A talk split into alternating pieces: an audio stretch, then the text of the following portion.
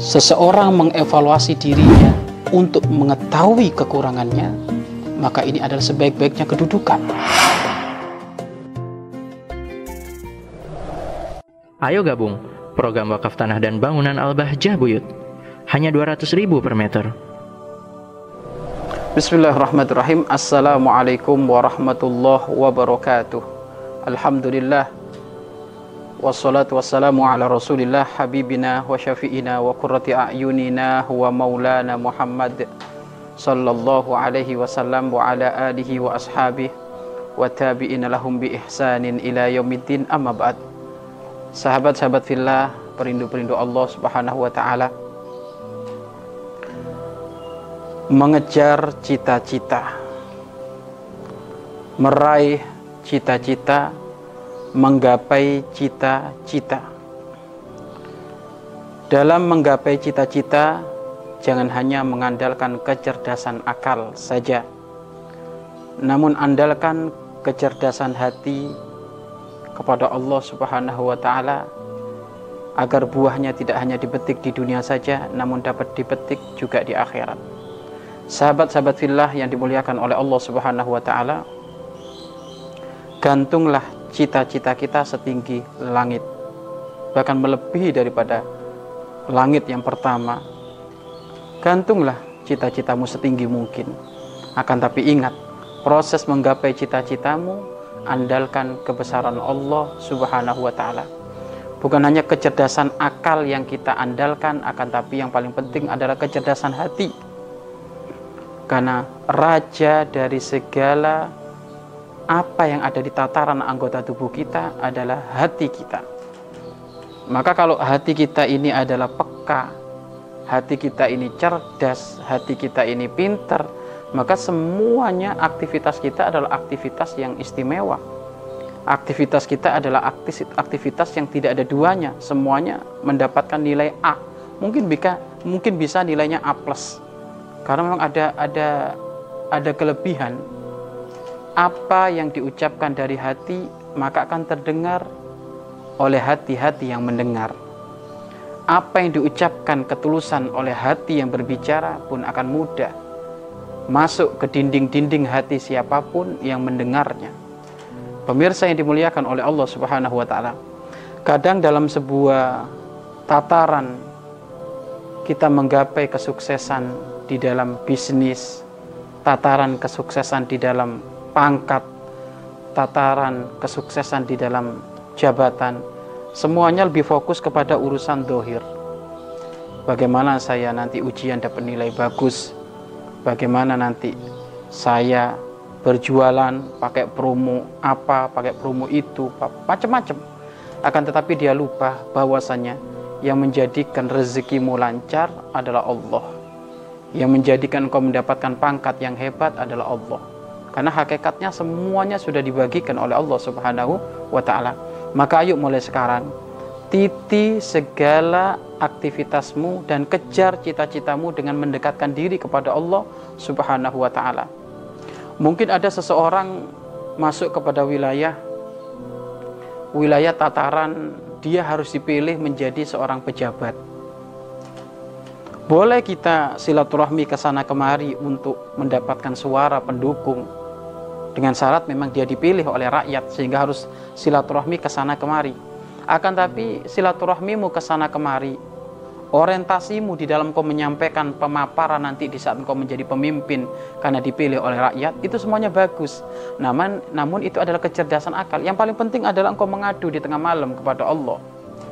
Sebelum kamu ke kantor panjatan doa yang kamu baca sebelum kamu beraktivitas mulai dengan kalimat zikir bismillah kepada Allah Subhanahu wa taala maka hal ini akan menjadikan sebab engkau tidak jadi pemimpin pun sudah nilai pahala di hadapan Allah Kenapa? Karena setiap hari aktivitasnya adalah aktivitas yang mengutamakan kecerdasan spiritual yaitu kecerdasan hati. Kecerdasan hati itu bagaimana sih maksudnya? Yaitu menyambungkan koneksi hati kita dalam hal apa pun hanya kepada urusan Allah Subhanahu wa taala. Sehingga seperti itu akan berada dalam urusan persaingan yang sehat. Selama ini kita menemukan hampir kader-kader yang dipilih oleh rakyat hampir semuanya saling menjatuhkan. Kenapa saling menjatuhkan padahal mereka adalah semuanya umat Islam? Harusnya saling mendukung. Jika saya tak, tak layak untuk dipilih, maka pilihlah dia. Jika dia tidak layak untuk dipilih, maka ikutilah hatimu. Harusnya seperti itu lapang dada. Tapi kenapa saling menjatuhkan, saling sikut sana, sikut sini? Bahkan ada yang sudah mulai curang, culas, kecurangan, keculasan di dalam mengejar cita-cita, ini tanda adalah kehancuran di dalam mengejar cita-cita. Bahkan dia nanti kalau seumpama benar-benar cita-cita cita-citanya terkejar, dia menjadi seorang pembisnis, mungkin seorang kaya raya, mungkin seorang pejabat dan yang lainnya, maka ketahuilah itu semuanya hanya sementara. Bahkan dia akan menjadi seorang pejabat yang culas, mudah makan duitnya rakyat, tidak adil, sewena-wena, berangkat dari apa? Tataran meniti kepada jabatan bukan tataran yang diridhoi oleh Allah Subhanahu wa taala.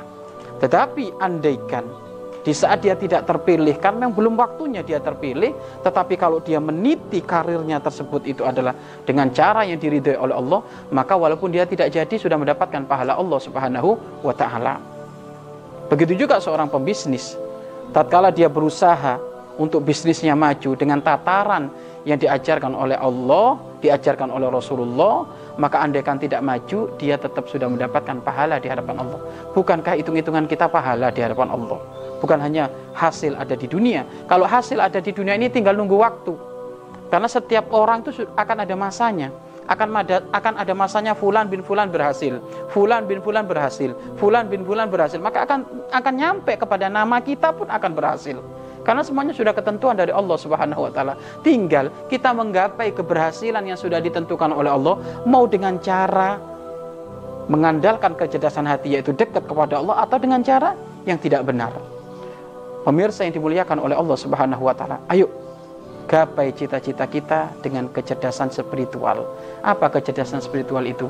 Hmm, mengutamakan keimanan hati, keimanan kepada Allah Subhanahu wa taala mengutamakan semuanya apa pun yang ada di muka bumi ini sudah diatur oleh Allah Subhanahu wa taala. Ada yang di bawah, ada yang di atas, ada yang di tengah, ada yang sakit, ada yang sehat, ada yang pinter, ada yang bodoh. Ini semuanya diatur oleh Allah Subhanahu wa taala. Ada yang sempurna, ada yang kurang, semuanya sudah diatur oleh Allah Subhanahu wa taala. Dan ketahuilah, jika seseorang hatinya senantiasa diutamakan di dalam kiprahnya, maka ia tidak akan memandang siapa pun yang berada dalam dirinya dengan pandangan merendahkan, menghinakan, walaupun dirinya adalah mungkin diejek. Nggak mampu dia membalas dengan penghinaan. Kenapa? Karena ini adalah pancaran dari hati yang bersih, pancaran dari kecerdasan hati. Pemirsa yang dimuliakan oleh Allah Subhanahu wa taala. Kami kasih contoh lagi. Kecerdasan hati itu seperti ini loh. Seseorang di dalam mengejar cita-cita. Mungkin dia ingin bisnis, ingin bisnis mendapatkan omset yang sangat besar. Mungkin atau menjadi uh, pembisnis nomor satu ada di Indonesia atau nomor satu ada di dunia. Sehingga dia harus gaji karyawan, dia harus gaji manajemen, harus gaji seorang sales atau menggaji yang bagian tukang promo apa semuanya. Ketahuilah, jikalau apa yang sudah kamu lakukan itu ternyata tidak membuahkan hasil, jika engkau orang yang berpikir dengan kecerdasan hati, walaupun belum berhasil, setidaknya aku bisa menjalin silaturahmi dengan mereka. Alhamdulillah aku ketemu dengan tukang edit, aku bertemu dengan tukang-tukang manajemen, aku bertemu dengan ini, aku bertemu dengan ini. Sehingga apa? Walaupun belum ber, belum sukses bisnisnya, tapi sudah ada manfaat yang ditampakkan oleh Allah dan buah manfaat itu akan balik kepada kita. Apa manfaat itu? Silaturahmi.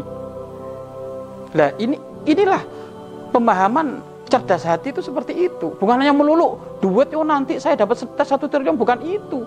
Duit satu triliun itu adalah hal yang yang ke nomor sekian di dalam urusan urusan hasilnya. Tapi yang paling utama kita bisa membangun membangun silaturahmi ini. Ketemu orang ini yang tadinya nggak kenal ketemu ini. Padahal silaturahmi ini adanya maknanya sangat dahsyat. Sahabat-sahabat fillah yang dimuliakan oleh Allah Subhanahu wa taala, ayo mulai sekarang kejar cita-cita kita dengan mengandalkan kecerdasan hati.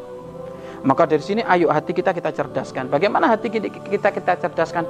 Ya tentu kita sambungkan kepada Allah Subhanahu wa taala sehingga nanti menjadi pembisnis pembisnis yang religi.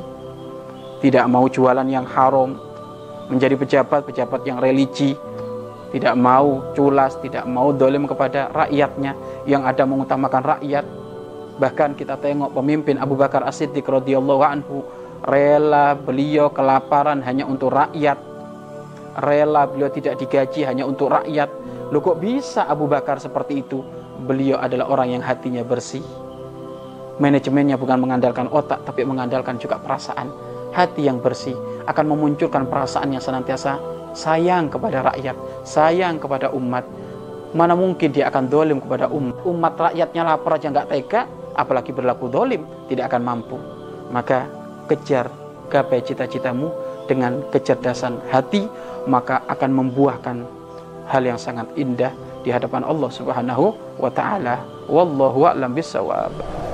Mari berinfak untuk operasional lembaga pengembangan dakwah Bahjah Buyut.